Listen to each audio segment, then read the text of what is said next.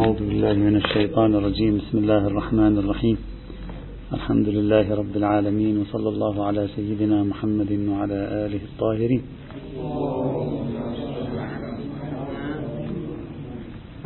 كنا بصدد استعراض المحاولة الثالثة والأخيرة تقريبا من المحاولات التي حاولت أن تدرس قضية ابن الجنيد. ومن قبله فيما نسب إليهم من القول بالقياس. قلنا توجد حتى الآن ثلاث محاولات. المحاولة الأولى أن ابن الجنيد لم يكن قائلا بالقياس البتة وإنما كان يستخدم القياس للاحتجاج. وعلقنا على هذه الفكرة. المحاولة الثانية ما ذكره السيد بحر العلوم وتبعه جماعة ابن الجنيد. ابن الجنيد كان يقول بالقياس ومعذور. وجهة نظر مجتهد له وجهة نظر وين المشكلة يعني؟ قلنا هذه هذا الرأي الثاني بصرف النظر عن بعض التعليقات على ما أفاده السيد بحر العلوم. هذا الرأي الثاني يفترض أن يكون هو الصحيح إذا لم يثبت رأي ثالث لأنه العلماء والمفهرسون وعلماء التراجم والرجال نصوا على أن الرجل كان يقول بالقياس. فمقتضى نصوصهم التاريخية هذه أو مقتضى نصوصهم التاريخية هذه أن نقول الرجل كان يقول بالقياس. يعني هذا مقتضى الأصل. لكن المحاولة الثالثة ذهبت إلى يعني القول بأن ابن الجنيد لم يكن يقول بالقياس وإنما كان يقول بمناهج في الاجتهاد.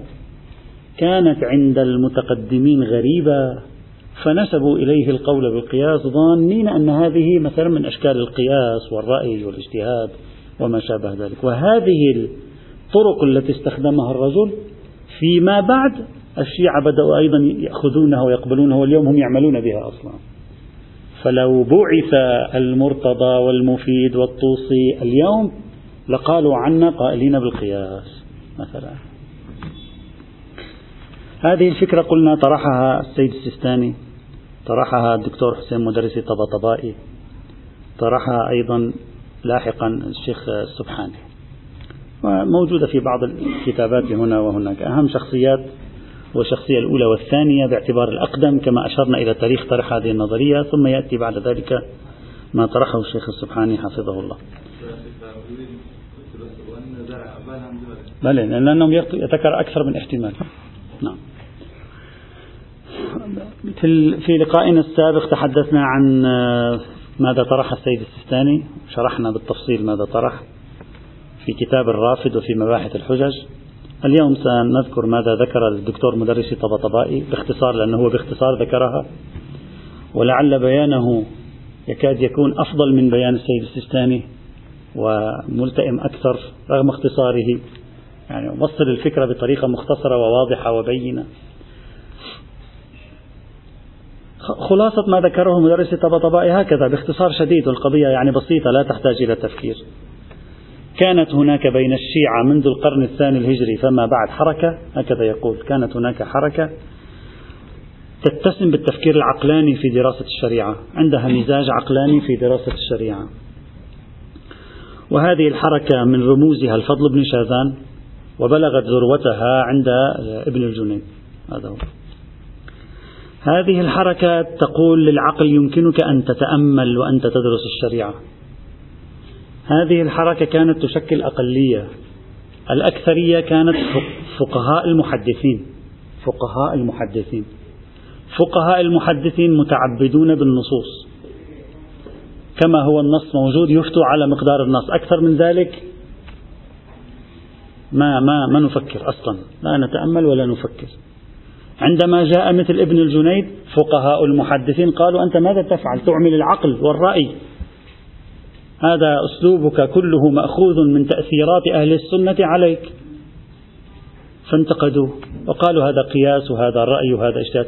وفي الحقيقة ابن الجنيد لا كان عنده رأي ولا قياس ولا شيء وإنما الرجل كان يعمل بعض القواعد مثل مثل ماذا؟ يقول مثل مناسبات الحكم والموضوع. مناسبات الحكم والموضوع ما هي؟ أنا إذا سألتك لا. أصلا هو في واحد يعرف لي مناسبات الحكم والموضوع عندك تعريف لكلمة مناسبات الحكم تعريف ما معنى مناسبة؟ هي كلمة حلوة سيد باقر الصدر استخدام مناسبة حكم ربما ما في مناسبات الحكم الموضوع هو نفس أشياء كثيرة موجودة في الفقه السني أنت سميتها مناسبات الحكم الموضوع لأنه الاسم شيعي صرت ترتاح أنت للاسم. هو يعني شو مناسبات الحكم الموضوع؟ هو هذا يعني. شيء من التأملات العقلانية والخروج عن النص. لو سميناها اسم ثاني كنت ما تقبلها أنت مثلا. فمدرس طبطباء يقول هؤلاء هكذا كانوا يفكرون. فاتهموه بالقياس والرجل لا يقول بالقياس إطلاقا. هذا كل ما في الأمر. الرجل كان يقول مناسبة حكم موضوع. الرجل كان يقول بتنقيح المناط القطعي. الرجل كان يعتمد طريقة الأشباه والنظائر. يعني يجمع بين الأشياء لها أشباه ونظائر ويحاول أن يستخرج منها شيئا كليا. وهذا كله نحن نفعله اليوم أو نفعل ما هو شبيهه اليوم مثلا. هذا ما يذكر. الشيخ سبحانه أيضا يقول الرجل كان يعمل بالمناط القطعي كان يعمل بإلغاء الخصوصية كان يعمل بقياس الأولوية فهم ظنوا أن هذا قياس والرجل أبدا لم يكن يعمل بتنقيح المناط الظني. هذا خلاصة الفكرة. انتهت توضيح الفكرة. آه، التي ذكرها كل من السيد السيستاني ومدرس طباطبائي والشيخ السبحاني إذا أخذنا بلي مدرس طباطبائي؟ في كتاب مقدمي باب فقه الشيعة صفحة 41 إلى صفحة 44 صفحة 41 إلى صفحة 44 شيخ سبحاني في كتاب موسوعة طبقات الفقهاء المقدمة الجزء الثاني صفحة 237 هذا التحليل الذي التحليل الثالث الذي ذكروه في المقام إذا تأملنا فيه هو التحليل الذي يجعلنا نحتمل. إذا صح هذا التحليل يجعلنا نحتمل أن هناك تيارا في الطائفة الشيعية كان يؤمن بالاجتهاد العللي. لأن القياس شكل من أشكال فتح باب على الاجتهاد التعليلي كشف العلة لتعدية الحكم إلى الفرع. بل لعلك لو ملت إلى ما طرحه الدكتور مدرسي طبطبائي ستقول بأن ابن الجنيد كان يؤمن بشكل من أشكال الاجتهاد العللي أو المقاصدي على طريقة الاستقراء يعني قبل الشاطبي لأن مدرس طبطبائي يقول كان ابن الجنيد يستخدم طريقة الأشباه والنظائر يعني يجمع الأشياء المتشابهة مع بعض ويأخذ منها حكم. وهذا ليس إلا شكلا بدائيا بسيطا من طريقة الاستقراء التي عاد وطرحها في القرن الثامن الهجري الشاطبي كما شرحنا مفصلا سابقا. هي نفسها. فعلى هذا الاحتمال الثالث على هذه المحاولة الثالثة على هذا الرأي الثالث في تفسير هذه الحركة الشيعية التي كانت في القرون الأولى نستطيع أن نقول لو صح هذا الاحتمال نعم الطائفة الشيعية الإمامية كان بينها تيار ولو كان يمثل الأقلية يؤمن بشيء من الاجتهاد التعليلي لأنه يؤمن بالقياس بمعنى من المعاني لا يؤمن بالقياس الحنفي. يؤمن بشيء من الاجتهاد التعليلي بل ربما يكون قريبا من المقاصدية بمعنى من المعاني إذا كان يأخذ بالأشباه والنظائر مثلا. على هذا الاحتمال. وهذا الاحتمال متى يتأكد أكثر؟ عندما نقول بأن العرض على القرآن هو عرض على الكليات. سيأتي معنا سوف نشرح إن شاء الله تعالى السيد السيستاني وموقفه تحليلا من نظرية الاجتهاد العللي ونظرية المقاصد. هو موقفه هو هو لا لا رأيه في تفسير السيد في تفسير ابن الجنيد. موقفه هو. وسنرى هناك أن السيد السيستاني طرح فكرة أن القرآن دستور وليس كتاب قانون. ومعنى ذلك أن العرض على القرآن عرض على الكليات الدستورية. وإذا صح ما قاله السيد السيستاني من أن ابن الجنيد كان يفعل ذلك بنفس الطريقة التي يفكر فيها السيد السيستاني فسيكون معنى ذلك أن ابن الجنيد كان يفكر بطريقة مقاصدية أيضا بمعنى من المعاني على مبنى السيد السيستاني يعني يعرض الأحكام على الكليات الدستورية. وأصلا عرض القوانين الجزئية على الكليات الدستورية هو روح نظرية المقاصد. هو روح ما هي نظرية المقاصد؟ روح نظرية المقاصد. عرض القوانين الجزئية على الكليات الأساسية الدستورية روح نظرية المقاصد في الحقيقة. فإذا صح أن ابن الجنيد كانت مشكلتهم معه قانون العرض على الكتاب وصح أن قانون العرض على الكتاب هو عرض على الكليات الدستورية كما يقول السيستاني. معنى ذلك نتيجة ذلك أننا سوف نتجرأ ونقول لأن ابن الجنيد كان له مزاج مقاصدي. إذا صح هذا التحليل كان له مزاج مقاصدي بشكل بدائي بشكل بدائي لا بشكل موسع كما حصل فيما سبق. فسيثبت حينئذ وجود تيار مقاصدي قديم بين الشيعة. هذه حاصل الفكرة التي طرحوها. نريد الآن أن نتوقف مع تحليل السيد السيستاني وتحليل المدرس طبطبائي. هل هذا التحليل صحيح؟ هل فعلا ابن الجنيد لم يكن قائلا بالقياس؟ وإنما كان قائلا بشيء يشبه ما نقوله اليوم ولكن المحدثين فيما مضى لأنهم كانوا جموديين إذا صح التعبير. اتهموه بالقياس. هل هذا صحيح؟ هذا التحليل أو لا؟ هل المعطيات التي قدمها السيد السيستاني في الرافد وفي مباحث الحجج تسعف هذا التحليل أو لا؟ هذا هو الذي نبحثه الآن. هذا. إذا ثبت إذا أسعفت هذه المعطيات هذا التحليل نرفع اليد عن القول قول ابن الجنيد بالقياس ونرفع يدنا عن تحليل السيد بحر العلوم الذي مر معنا. وأما إذا هذه النظرية لم تثبت هذا التحليل لم يثبت نحن مجبرون أن نقول أن ابن الجنيد كان يقول بالقياس. ونذهب إلى تحليل السيد بحر العلوم ومن تبعه مثل العلامة المامقاني والسيد الخوئي. هذه خارطة الموضوع. سأتوقف بعدة وقفات وهي طبعا في البحث الذي شرحناه بالأمس أمس الدراسي فيما طرحه السيد السيستاني توجد موضوعات متفرقة. الموضوعات التي لا علاقة لها بالقياس لن أبحثها. يعني أهل البيت يعملون بالرأي لا يعملون بالرأي هذه ليس بحثنا. نتركه. والإخوة الذين يريدون التوسع في هذا الموضوع بإمكانهم مراجعة ما كتبه الشيخ محسن كديفار والردود التي كتبت على الشيخ محسن كديفار في موضوع العلماء الأبرار. هناك الشيخ كديفار ذكر رأي ابن الجنيد واعتبره أحد الأدلة على وجود تيار شيعي لم يكن يؤمن بعصمة الأئمة. والناقدون لكديفار ذكروا الكثير من الأشياء التي تنقض هذه الفكرة. من أراد التوسع في هذا الموضوع بإمكانه التوسع في تلك البحوث التي كتبت خلال عشرين سنة العشر سنوات الأخيرة. نحن بحثنا ليس في ذلك نحن بحثنا في القياس في الاجتهاد العللي وفي المقاصدية. هل كان ابن الجنيد يؤمن بالقياس أو لا؟ سيد الثاني يقول لم يكن يؤمن. نحن نريد أن نبحث الآن في هذه القضية. الوقفة الأولى. إنما طرح الإخوة الذين ليس عندهم حضور ذهن لما قاله السيد السيستاني في الأسبوع الماضي آه، يمكن تصعب عليهم الإشكالات الآن. اللي عنده حضور ذهن تسهل. إنما طرحه السيد السيستاني حفظه الله قد يقال بأنه يعاني من تهافت داخلي يعني أطراف التحليل الذي قدمه لنا على روعته قد يقال بأنه يعاني من تهافت داخلي متناقض. أوله ينقض آخره ووسطه يفند طرفيه. ليش؟ السيستاني حاول أن يجد جوابا إذا تذكرون لماذا ذهب بعض الشيعة إلى القول بالقياس في القرون الأولى بالقياس السني في القرون الأولى؟ تذكرون؟ هكذا قال. أراد أن يجيب عن هذا السؤال لماذا ذهب بعض الشيعة في القرون الأولى إلى القياس السني؟ وذكر لماذا؟ قال ممكن أن يكونوا قد اعتمدوا على نصوص القياس على القرآن فقسوا على كتاب الله. ممكن يكونوا اعتمدوا على روايات أهل البيت التي أهل البيت بأنفسهم استخدموا القياس فيها. يتوهم أنه استخدموا القياس فيها. يقول ممكن يكونوا هكذا تصور. ممكن يكونوا اعتمدوا على روايات دالة على حجية القياس. وذكر رواية مثال لرواية موجودة في تحف العقول. إذا سيستاني في جوابه عن هذا السؤال. ماذا قال؟ قال إن هناك يعني كأنه قال هناك طائفة من الشيعة الإمامية كانت تقول بالقياس في القرون الأولى والآن نحن نسأل سؤالا. لماذا توجه هؤلاء إلى القياس؟ ما الذي يجعل إماميا يعرف أن أهل البيت ينتقدون القياس؟ ما الذي جعله يؤمن بالقياس؟ نجيب الذي جعله يؤمن بالقياس عدة أشياء. واحد اثنين ثلاثة أربعة. وهذه الأشياء نحن ننتقدها. لا, لا تدل على القياس. هكذا قال إذا تذكرون. هكذا قال. طيب.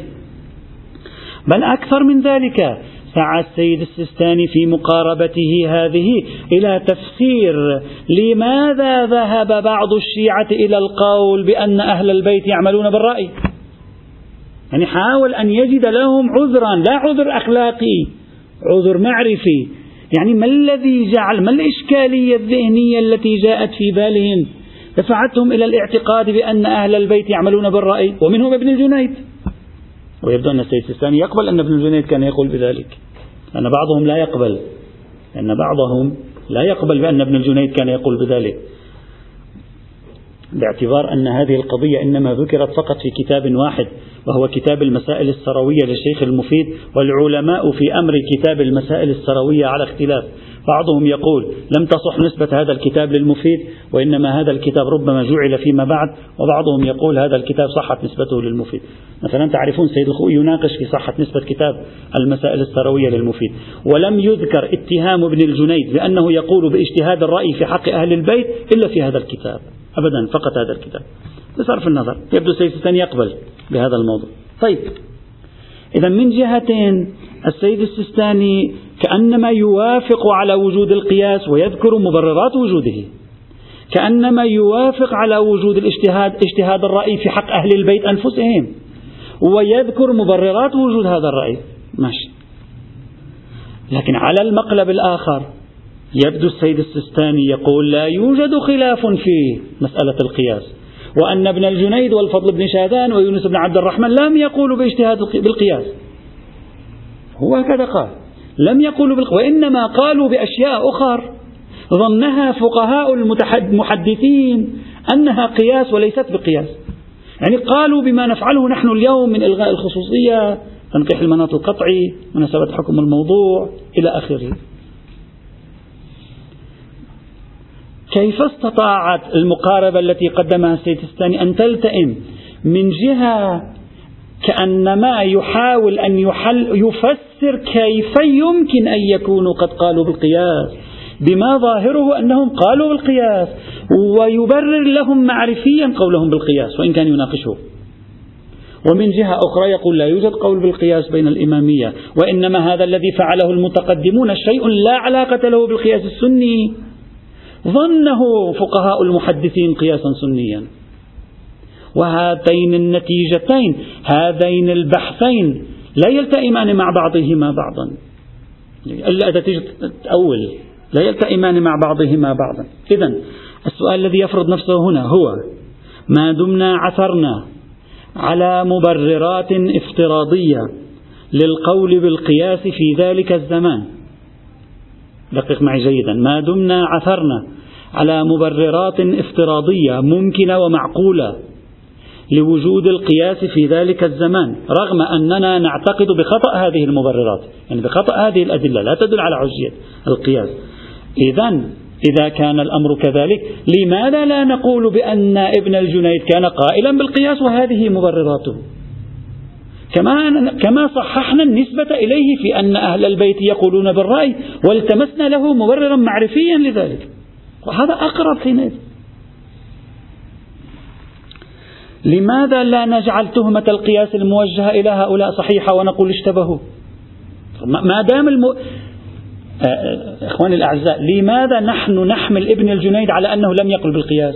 مثلا نحمله هكذا نقول يا أخي ما معقول ابن الجنيد لا يقول بالقياس؟ أنت هكذا هذا الذي يجعلك تذهب إلى تفسير آخر. تقول أبدا يا أخي ما معقول. عالم شيعي قارئ كل هذه الروايات في النهي عن القياس ويجي يقول بالقياس؟ أبدا ما معقول. سيس الثاني ريحنا. سيس الثاني أراح الباحثين. ماذا قال؟ قال لا معقول. من أنت تقول معقول وأنا سآتيكم بالأدلة التي يمكن أن يقولها شخص قائل بالقياس. هو جاء لنا بأدلة. وإذا كان معقولا والأدلة التي يمكن أن تكون تبريرا تاريخيا لذلك قد ذكرها السيد السيستاني. فلنقل مباشرة إن ابن الجنيد كان يقول بالقياس. يعني مبرر رفع احتمالية أنه يقول بالقياس انتفت. ما دامت المعقولية التاريخية صارت موجودة. وإذا كانت المعقولية التاريخية التي أمنها لنا نفس السيد الثاني صارت موجودة. إذا لماذا نلجأ إلى الاستبعاد ما دام قد اتهم الرجل بالقياس.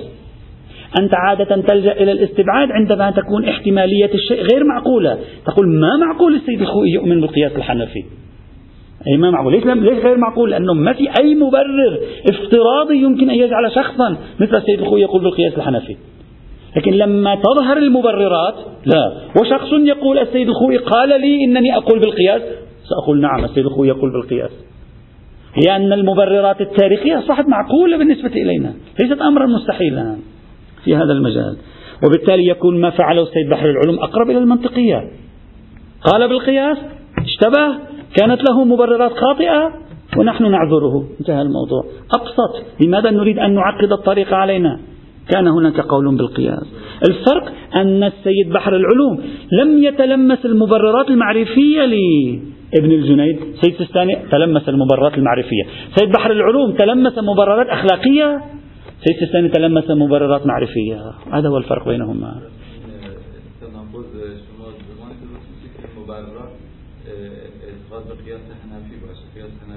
نعم هو السيد السيستاني نعم السيد السيستاني يريد أن يقول ما الذي يجعل جماعة تقول بالقياس الحنفي من بين الشيعة؟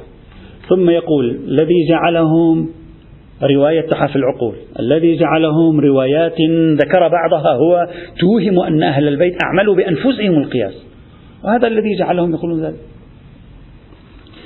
إذا الملاحظة خلاصة الملاحظة أن السيد السيستاني طرح مبررات معقولية القول بالقياس بين الشيعة في القرون الأولى ثم لما أراد تفسير المشهد التاريخي الذي يقول لنا بأن هناك قولا بالقياس تعامل مع ذلك المشهد على أنه غير معقول فالتمس له تفسيرا آخر. ويبدو لي هذا شيء لسنا بحاجة إليه. قد يجيب السيد السيستاني قد يجيب.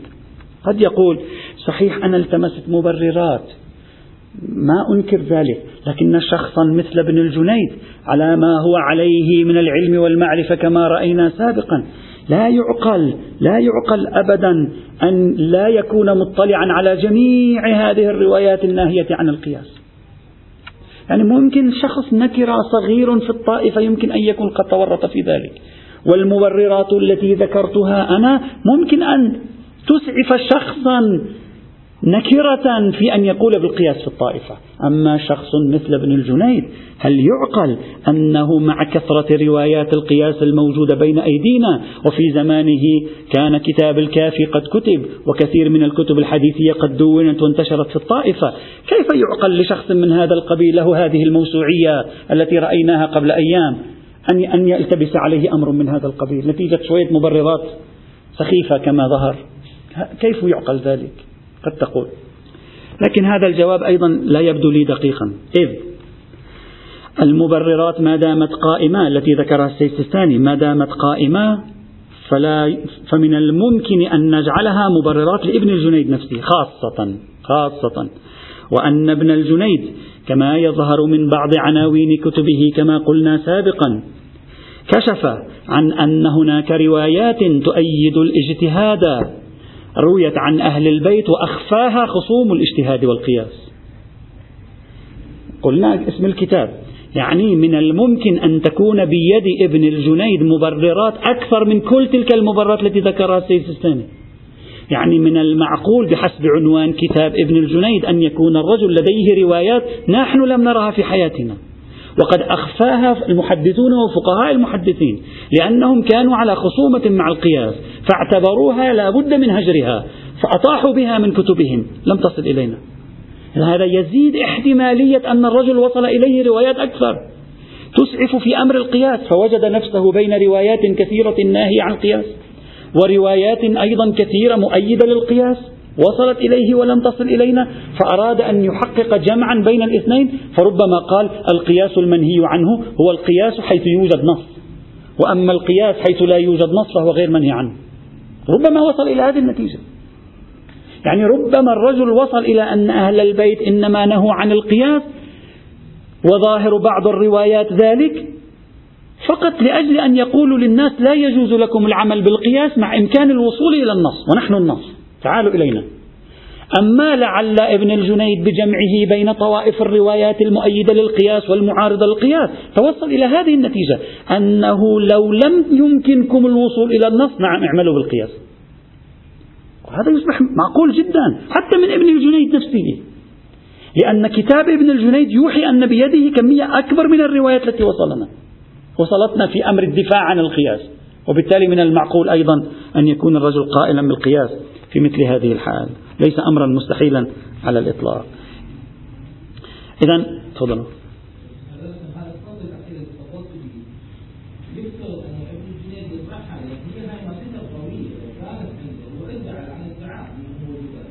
ليس ادعى كتب كتب كتب كتابا ما ادعى لأنه هجرت كتبه. الشيخ الطوسي قال لنا. عفوا أولا ما هو؟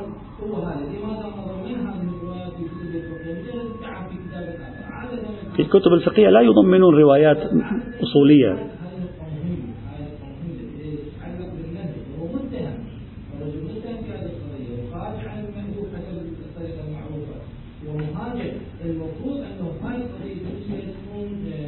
أساسية.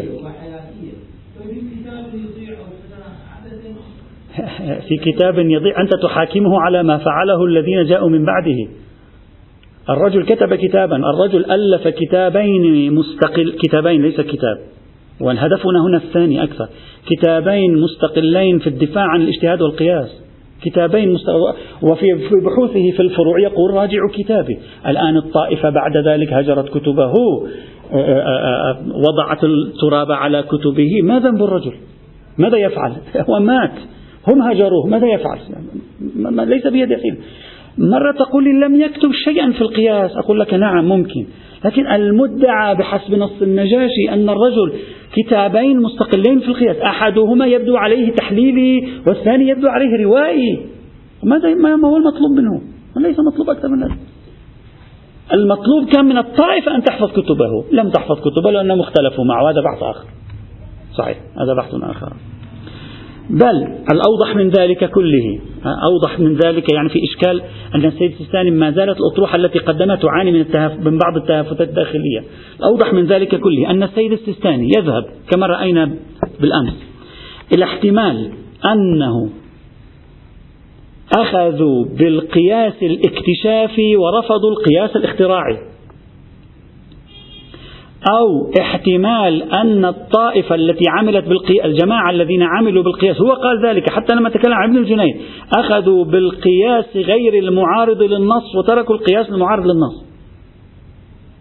إذا كان كذلك يعني عملوا بالقياس يا سيدنا. هذا ليس معناه أنهم لم يعملوا بالقياس بل عملوا بالقياس. ماذا نقصد أنهم لم يعملوا بالقياس؟ حتى عندما ننفي عنهم ماذا نقصد؟ يعني قياس ما لم يعملوا به كل المسلمين قياس ما لا يعملون به. كل المسلمين. قياس ما عملوا به وهؤلاء عملوا بالقياس الاكتشافي أنت تقول. ورفضوا القياس الاختراعي لأنه مناقض لشمول الشريعة. هو رأي السيد الثاني. إذا كان هناك الآن إذا يوجد أصولي أو فقيه يقول لا حجية للقياس حيث يوجد نص والقياس حجة حيث لا يوجد نص. هذا ماذا تسميه أنت؟ يقول بالقياس أو لا هو يقول أبو حنيفة نفسه لا يقول بالقياس في مقابل النص إلا على شروط معقدة. نفسه. وهو موجود بكتب الأصول السنية. فماذا نقصد حينئذ؟ فمن جهة تقول لم يقولوا بالقياس وإنما قالوا بأشياء تشبه ما نفعله نحن اليوم. لكن فقهاء المحدثين لأنهم كانوا جامدين بعض الشيء على النصوص اتهموهم بالقياس. ومن جهة تقول لا هؤلاء يمكن أن نفهم ماذا حصل معهم من خلال احتمالات أحد الاحتمالات ما هي؟ أنهم يقولون بالقياس الاكتشافي دون الاختراعي أنهم يقولون بالقياس الذي لا يعارضه نص دون القياس الذي يعارضه نص إذا كان هذا كذلك يعني يؤمنون بالقياس. هذا الذي أعنيه من أن أطراف التوضيح ولعل المشكلة من المقرر لا أدري. أطراف توضيح الفكرة بدا عليها أنها متناقضة غير منسجمة بعضها. يعني فتح على نفسه ثغرات وهو يحاول أن يسد ثغرة أخرى. وبالتالي تكون الأطروحة حينئذ تعاني شيئا من الإشكالية. طيب. وإذا السيد الثاني إذا قال مثلا آه، أن ابن الجنيد كان يرفض قياسا ما مثلا فهو رافض للقياس. ليش؟ لأنه يرفض القياس الاختراعي. وإذا كان كذلك كل الشيعة آه، آه، يعني آه، حتى يعني الذين يقولون بالقياس هم أكثرهم يرفضون القياس الاختراعي. إذا هم ينبغي أن نقول لا يقولون بالقياس. إذا حاصل الوقفة الأولى. إن أطراف هذا الطرح الذي قدم تبدو عليه التهافت والتناقض. من جهة يريد الحفاظ على فكرة القياس من جهة يريد نفي فكرة القياس. هذه الوقفة الأولى. الوقفة الثانية. هذه الوقفة الثانية مداخلة. لا أسميها انتقادات كلها مداخلات. السيد السيستاني يوجد لديه رسالة في كتاب العلل للفضل بن شاذان هذه الرسالة لم تطبع مستقلة. في كتاب قبسات من علم الرجال في الجزء الثاني أحمد رضا السيستاني حفظه الله نقل مختصر هذه الرسالة في بحث العلل الشرائع للفضل بن شاذان ذكر قال أنا سأذكر مختصر ما ذكره الوالد وأضيف بعض الشيء. فذكر ما ذكره سيد سيستاني إذا السيد السيستاني عنده دراسة حول كتاب العلل للفضل بن شاذان اللي هو أحد المتهمين بالقياس الفضل بن شاذان. أحد رموز المتهمين بالقياس كما رأينا. سيد الثاني من خلال قرائن داخلية وخارجية يقول هذه الرسالة ليست رواية. صحيح الشيخ الصدوق جاب جاب رسالة الفضل بن شاذان في علل الشرائع وغيرها. روايات العلل للفضل بن شاذان موجودة في كل كتب الحديث تقريبا خاصة عند الشيخ الصدوق لكن السيستاني يقول بقرائن داخلية وخارجية. يذكر هناك بعضها في هذا الكتاب في القباسات أن هذه أصلا ليست رواية. أصلا ليست عن أحد أئمة. وإنما هذه مصنف مستقل للفضل بن شاذان. ويقول لو كانت هذه رواية لكانت ضعيفة الإسناد أيضا. هسه هذه ضعيفة الإسناد غير ضعيفة الإسناد ما يعنينا هذا بحث حديثي. نحن الآن يهمنا الشق الأول من, نظرية السيد السيستاني في موضوع كتاب العلل للفضل بن شاذان أنها أصلا ليست رواية. طيب ما معنى ليست رواية؟ معنى ذلك أن الفضل بن شاذان في القرن الثالث الهجري يفكر بطريقة تعليلية يعني يبحث ويتكلم عن علل الأحكام في عشرات الموارد. هذا معنى. والسيد السيستاني في نفس ما نقل عنه في القبسات يقول لو صح أن هذه ليست رواية لكان معنى ذلك أن الشيعة يعرفون من القرون الأولى مرحلة إبداعية في العلل وفلسفة الأحكام. يعني كأنما يمدحه كأنما بعض الشيء يمدحه يمدح الفضل بن شاذان. طيب إذا كتاب العلل ليس للفضل بن شاذان ليس رواية. جهد شخصي من الفضل بن شاذان. ما معنى ذلك؟ الآن أنا أسألك ما معنى أن كتاب العلل وتعرفون ما هو كتاب العلل؟ جهد شخصي لابن شاذان. معنى ذلك أن ابن شاذان ادعى في عشرات لا أدري عدد المواضع كم عدد كبير من المواضع أن هذا هو العلة في الحكم. بدون رواية وادعى هو على مبنى السيد السيستاني. نقول للسيد السيستاني هل يحتمل سيدنا أن يكون الفضل بن شاذان في القرن الثالث الهجري في كل هذه المواضع؟ قد حصل على تنقيح المناط القطعي خاصة وأن هذه الرواية تنقيح المناط القطعي بالشروط الشيعية بالشروط الشيعية خاصة وأن الكثير من هذه الروايات في أمور ليست من شؤون الحياة الاجتماعية أصلا. سبب كذا في الميتة وسبب كذا في العبادات وأمور كذا إلى آخره. إذا صح أن هذا التعليل مارسه الفضل بن شاذان وذكره بصيغة أنه يثبت أن هذه العلل فالفضل بن شاذان شخص شيعي في القرن الثالث الهجري نصف الأول من القرن الثالث الهجري يلتزم طريقة الأحناف في اكتشاف العلل. يعني الدائرة التي يشتغل عليها واسعة كسعة شغل الأحناف وهكذا الأحناف يفعلون. الأحناف إذا سألتم ليس فقط الأحناف السنة عموما الذين يؤمنون بالقياس على الأقل بشكل من الأشكال. إذا يقول لك العبرة في النهي عن الغرار حتى لا تقع مشاكل بين المتبايعين. هذا هو. الآن أنت ارجع إلى كتاب العلل لفضل بن شاذان رجاء افتح كتاب العلل روايات العلل لفضل بن وانظر وتصور معي أن الفضل بن هو الذي كتبها. هل هذا فقيه شيعي يكتب ذلك؟ هل هذه معايير فقيه شيعي في القرن الثالث يكتب هذه الطريقة؟ أو هذا نفس سني؟ يقول لك هذا وعلته كذا والعلة في هذا الحكم كذا. أين يوجد فقيه شيعي في أدبيات ثقافتنا الشيعية الإمامية؟ فقيه لا يؤمن بالقياس وحذر من القياس بطريقتنا في الحذر من القياس ويجزم ويلقي علينا عشرات موارد التعليل بهذه الطريقة. ألا يستدعي ذلك من السيد السيستاني الذي يقول أن الكتاب للفضل بن شاذان أن يقول الفضل بن شاذان كان قائلا بالتعليل. وليست هذه التعليلات تنقيح مناط قطعي. صعب أن تقول تنقيح مناط قطعي. ولو كانت تنقيح مناط قطعي فهذا معناه الفضل بن شاذان من المتساهلين في أمر القطع في اكتشاف المناطات. وهذا الذي يفعله القياسيون أنهم يتساهلون في اكتشاف المناطات كما رأينا مع تاريخ نظرية المقاصد التي شرحناها خلال عشرات الدروس الماضية. هذا نفس الطريق يعني ما أريد أن أقول هذا المزاج مزاج سني. هذا المزاج يا مولانا ليس مزاجا شيعيا أن يكتب بهذه الطريقة في التعليل في القضايا الفقهية. عبادية وغير العبادية إذا الأقرب أن أقول أن الفضل بن شاذان مزاجه في التعليل سني. سني لا أريد أن أتهمه بتسنن لا. سني يعني كان قائلا بالقياس. هذا يرجح أن الرجل كان قائل بالقياس. نعم لو كانت هذه روايات لقلنا هذا قول الإمام.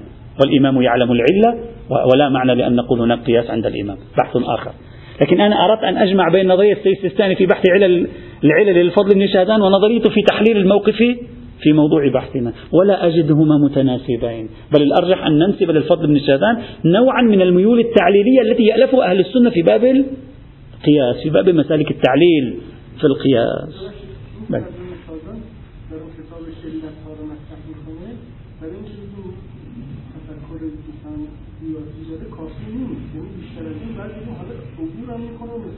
إلا قل العلة في هذا هذا. نحن لا نتكلم عن الفضل بن شاذان ليس الشيخ مرتضى مطهري في القرن العشرين بعد عصر الحداثة الذي يريد الآن أن يفلسف الأحكام بنحو الحكمة.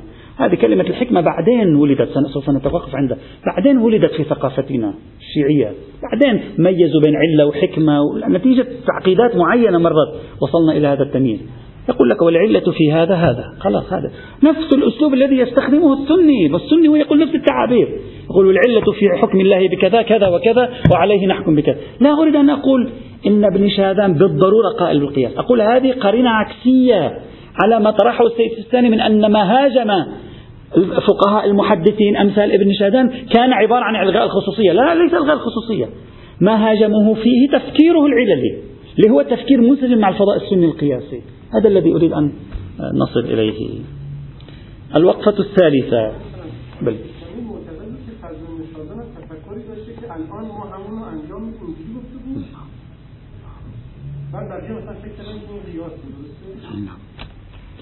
الوقفة الثالثة. هذه المناهج التي طرحها السيد السيستاني حفظه الله تعالى على أنه من الممكن أن يكون ابن الجنيد قد عمل بها وخالفه فيها خصومه من فقهاء المحدثين. طبعا يعني تبدو لي معقولة جدا. بالنسبة لي تحليلات التي قال ممكن يكون قال إلغاء الخصوصية وأولوية وقياس أولوية معقول جدا. فقهاء المحدثين. لكن ماذا نفعل مع فقهاء المتكلمين؟ أنا ممكن أتصور الشيخ الصدوق ممكن أتصور مثلا صاحب المحاسن ممكن تصور الشيخ الكليني. نعم فقهاء المحدثين هؤلاء مثلا قد يرفضون هذه الأشياء جملة وتفصيلا وقد رأينا أن فقهاء المحدثين المتأخرين اللي هم الإخباريين. لديهم شيء شبيه مثل هذا. صحيح.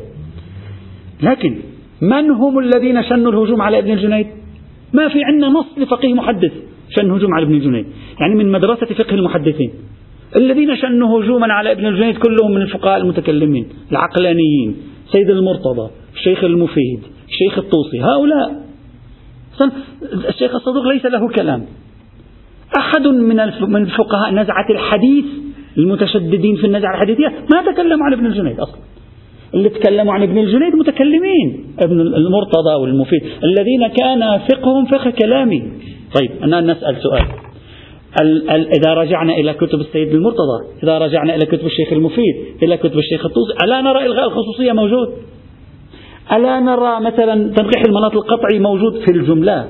موارد حالات معينة. ألا نرى التعدي من من مورد إلى مورد مثلا نتيجة آه، إلغاء الخصوصية العرفية؟ ألا نرى شيء شبيه بقياس الأولوية؟ أصلا هذا المزاج ألا نراه. نراه موجود هو نفسه موجود. خاصة السيد المرتضى والشيخ المفيد. بل الشيخ الطوسي في المبسوط أيضا عندهم مثل هذا. وإذا كان هؤلاء عندهم هذا المزاج ولو بمرحلته البدائية لماذا شنوا هجوم على ابن الجنيد إذا كانت مشكلة ابن الجنيد هذا المزاج؟ يعني أنا أتفهم أن فقهاء المحدثين ممكن أن يكون لهم مشكلة مع ابن الجنيد. لكن لا أستطيع أن أتفهم شخص مثل السيد المرتضى ومثل الشيخ المفيد والشيخ الطوسي يكون عندهم مشكلة مع ابن الجنيد.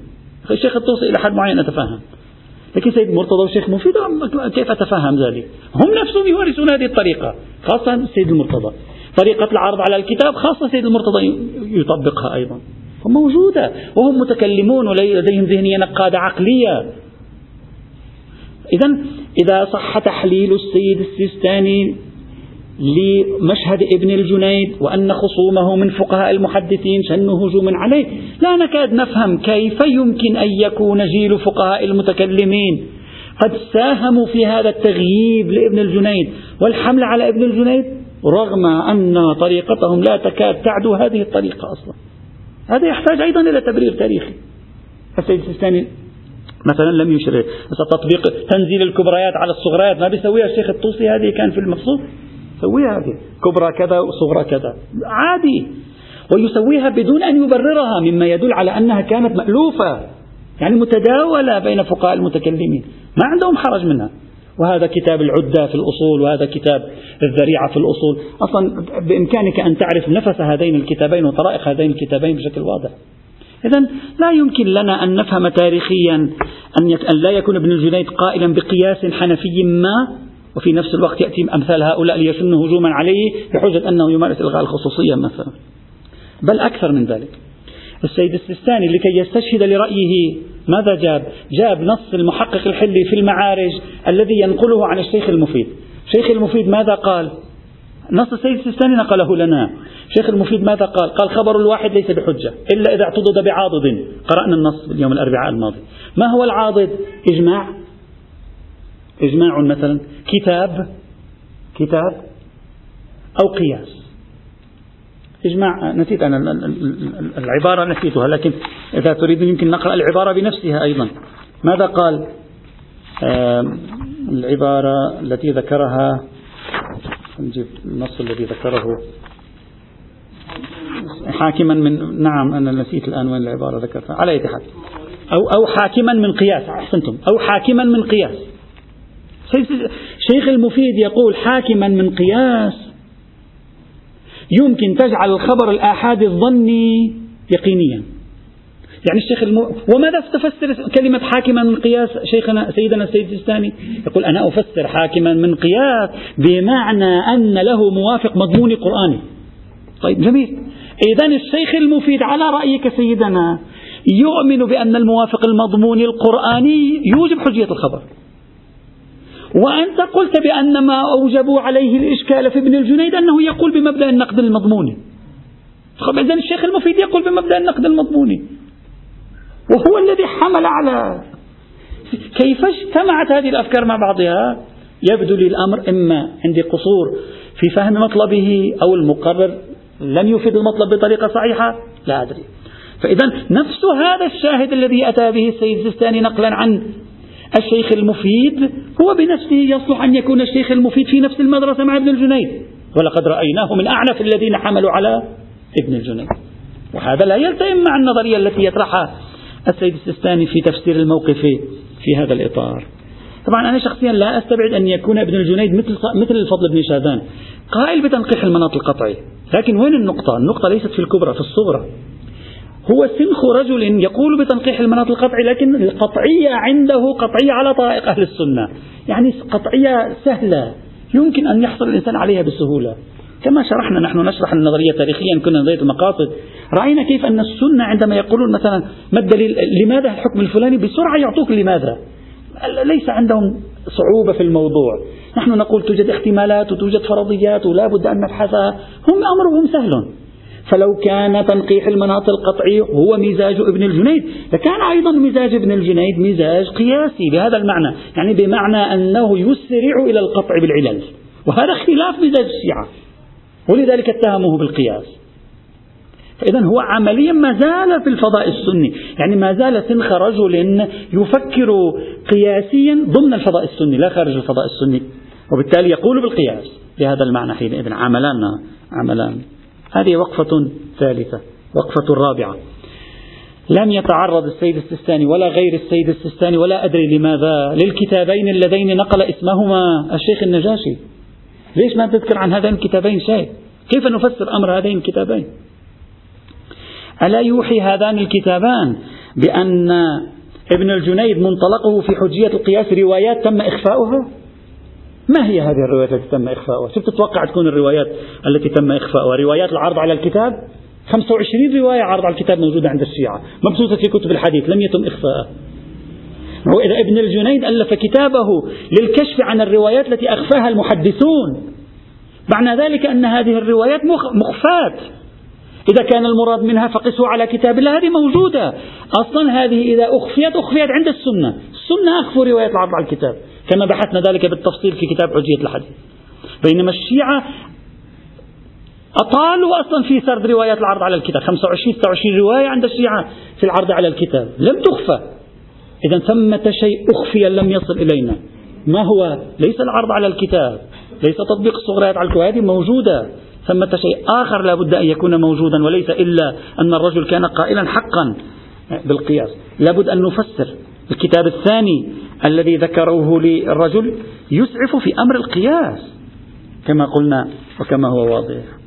وتشبيه السيد السيستاني النزاع مع ابن الجنيد بالنزاع بين الأخباريين والأصوليين. أعتقد تشبيه يعني يمكن أن نلاحظ عليه. الآن ما في أخباري إذا سألته عن العلامة الحلي يقول لك افرض يكتب كتاب في التراجم يقول لك والعلامة الحلي قائل بالقياس. أبدا. فيكتب حر العامل الآن خليه يكتب تراجم. هل سيكتب لك العلامة الحلي قائل بالقياس؟ ما يكتب ذلك. لأن لا يقال لشخص يلغي الخصوصية وإلى آخره قائل بالقياس. يعني المثال الذي أتى به السيد السيستاني على عكس مراده.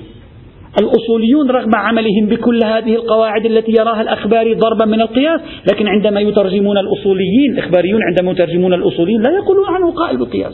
رغم أنهم يتهمونهم بأنهم تورطوا بالقياس من حيث لا يشعرون. وينتقدون طرائقهم التي هي طرائق قياسية وإن كانوا لا يلتفتون. بينما ابن الجنيد صرحوا بأنه يقول بالقياس. تشبيه المشهد هناك بالمشهد هنا يعطي أنه ما كان ينبغي لأولئك أن يصرحوا بأنه كان قائلا بالقياس بل أن يقولوا تورط في القياس وهو لا يشعر. ولكنهم لم يقولوا ذلك بل قالوا وقع في القياس إلا أنه يبقى هنا كلام يأتي إن شاء الله تعالى. لاستكمال المناقشات والتحليلات وممكن أن ندافع عن سيف الثاني ثم نرى. الحمد لله رب العالمين.